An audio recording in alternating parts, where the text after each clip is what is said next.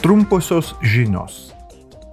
Šiandien baigėsi tris dienas trukęs kultūros ir švietimo komiteto narių vizitas Rumunijos mieste Timišoaroje. Ten jie susitiko su Rumunijos kultūros ministru Lučianu Ramaškanu ir dalyvavo konferencijoje, kurios svečias buvo turkų rašytojas Orhanas Pamukas. Jie taip pat susitiko su vietos valdžios atstovais ir kultūros programos pavadintos Shine Your Light, Light Up Your City organizatoriais. Šiandien vystimosi komiteto delegacija baigė savo vizitą Kenijoje.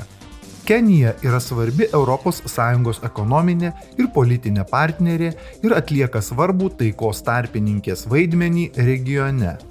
Ji taip pat yra viena iš atsinaujinančiųjų išteklių energijos gamybos srityje pirmaujančių Rytų Afrikos šalių.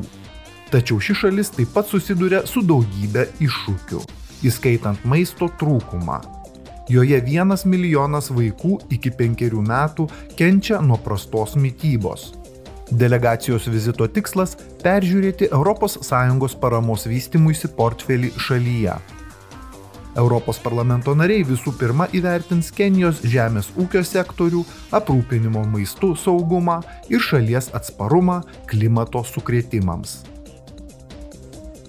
Šią savaitę Vidaus rinkos ir vartotojų apsaugos komiteto delegacija lankosi Singapūre.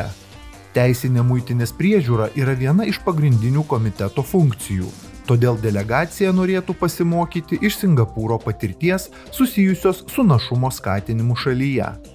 Parlamento nariai taip pat susitiks su ten įsikūrusių prekes į ES eksportuojančių Pietričių Azijos valstybių asociacijos įmonių atstovais.